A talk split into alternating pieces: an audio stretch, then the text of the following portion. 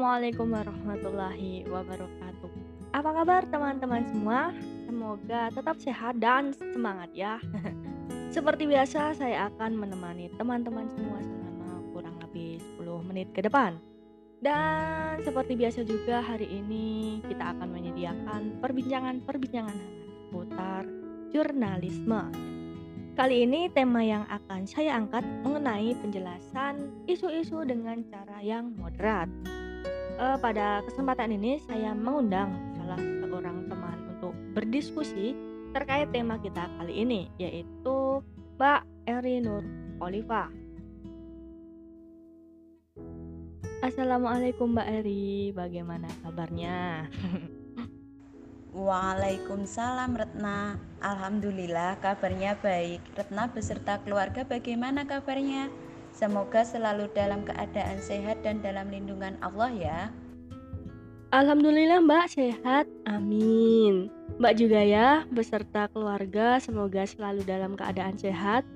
Sudah lama ya Mbak kita tidak bertemu. Saya tidak ke Jogja sudah rasanya itu kangen banget dengan suasana Jogja. Dan tentu saja dengan kampus kita tercinta. Mbak Eri, pada kesempatan kali ini saya ingin mengajak Mbak Eri berdiskusi tentang penjelasan isu-isu dengan cara yang moderat. Berbicara mengenai isu publik nih, isu publik itu perlu didukung dengan durasi yang agak lama hingga ke akar permasalahan, sehingga tidak hanya menyentuh kepada kulit permasalahan semata, media hendaknya memusatkan pada sebuah masalah atau isu tertentu, meski kadang beresiko pengulangan kembali.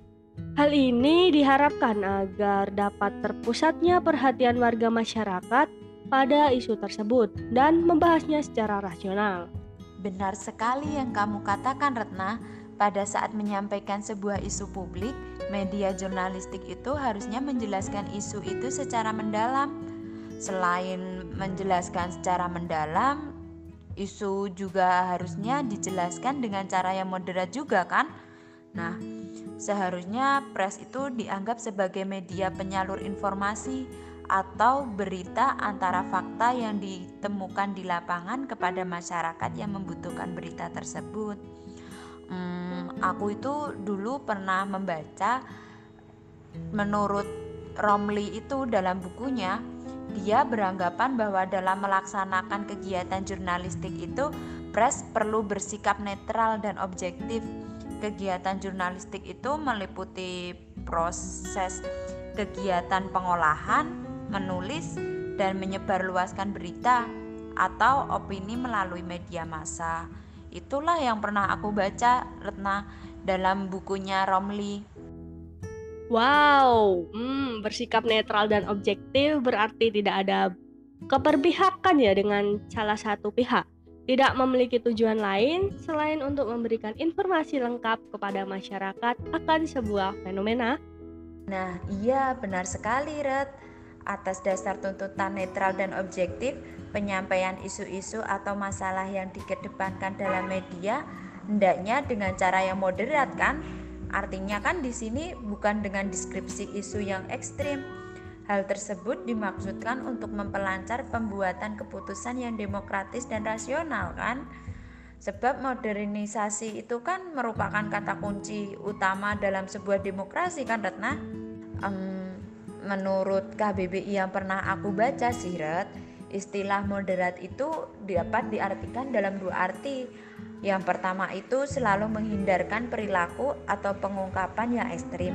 Dan yang kedua berkecenderungan ke arah dimensi atau jalan tengah. Um, istilah moderat itu berasal dari kata moderate yang berasal dari bahasa Latin loret yang ungkapannya itu moderare yang sering diartikan dalam bahasa Latin itu tidak ekstrim, sedang, dan bertentangan dengan sesuatu yang radikal, Red. Kalau menurut kamu sih gimana sih, Red? Sangat menarik diskusi kita kali ini. Nah, menurut jurnal yang saya baca nih, Mbak, bahwasanya pers merupakan salah satu bentuk sarana perubahan dan kemajuan bagi masyarakat dan juga negara. Hal ini terjadi karena pers berfungsi menyebarluaskan informasi, melakukan kontrol sosial yang konstruktif, menyalurkan aspirasi rakyat, dan meluaskan komunikasi sosial dan partisipasi masyarakat. Ini menurut Asegaf pada tahun 1984. Juga para kritikus berpendapat bahwa jurnalisme warga kurang memiliki etika, keterampilan dan akuntabilitas jurnalis profesional. Bahkan kegiatan mereka dapat berkontribusi pada kegagalan model ekonomi dan pada akhirnya hilangnya organisasi media berita profesional ini menurut Robert pada tahun 2019. Nah, bagaimana menurut Mbak Eri sendiri nih? um, kalau menurut Ediono, Faruk dan Irwanto itu dalam bukunya yang pernah aku baca sih Red, jurnalisme warga itu proses produksi informasi yang dilakukan warga biasa atas peristiwa yang terjadi di sekitarnya di berbagai media Red. Meskipun terlihat egaliter dan inklusif, pada kenyataannya praktik jurnalisme warga itu timpang dan diskriminatif loh. Kenapa disebut timpang ya? atau karena tidak semua orang bisa mengakses ataupun melakukannya kali ya Red? Terlihat dalam jurnalisme warga membutuhkan biaya dan kemampuan yang tidak dimiliki semua orang. Hanya orang-orang tertentu saja kan yang punya modal yang bisa melakukannya. Jurnalisme warga sering kali dikelola oleh yang punya modal saja yang bisa melakukannya mereka yang tidak memiliki ilmu jurnalistik dan tidak memiliki standar yang jelas tidak bisa mengelola kan Red? Kredibilitas belum menjadi kunci utama dan sedikit terabaikan bagi berlangsungnya jurnalisme warga. Karena itu kali ya, pengelolaan jurnalisme warga perlu menguatkan potensi mereka dengan pengetahuan, keterampilan dan etika jurnalistik ya Red. Terima kasih atas tambahannya Mbak Eri. Saya jadi teringat tentang sebuah legenda peniup seruling dari Hamelin pada abad pertengahan. Si peniup seruling itu diibaratkan adalah media. Media menggiring opini publik untuk mempercayai berita. Berita berasal dari sumber yang kurang jelas pun bisa dengan mudah disebarkan apabila pembacanya juga nggak jeli Peran media untuk memanipulasi pikiran pembaca, menggiring masa ke arah propaganda yang ingin dicapai, sehingga pergeseran paradigma tercapai. Saat ini kita harus hati-hati, jangan sampai menjadi si tikus atau si anak-anak polos itu. Nah, iya, apalagi di tengah situasi seperti saat ini kan, Red, kita harus benar-benar hati-hati pada saat ini banyak kan di media sosial orang yang tidak bertanggung jawab menyebarluaskan berita bohong. Oleh karena itu saat kita membaca berita atau menerima berita, kita harus cross check dari berbagai sumber dulu. Apakah berita itu benar atau salah? Jangan langsung disebarluaskan ke orang lain. Banyak kan orang yang terjerat kasus hukum hanya karena share berita bohong. Sekarang juga sudah ada undang-undang ITE kan seperti yang kita ketahui, Red, friksi hukum kan asas yang menganggap semua orang tahu hukum. Kalau dalam bahasa Latinnya, uh, apa itu namanya? Hmm, oh iya, presumptio iuris de iure. Oh iya itu itu. Uh, itu bukan sih Red? Aku lupa. Kayaknya sih itu. Menurut Retna gimana? Itu bukan sih? Retna ingat nggak? Asas itu uh, kita itu harus menyaring sebelum sharing kan berita jangan asal disebarluaskan. Dan yang paling utama itu membudidayakan literasi agar tidak mudah terprovokasi Red.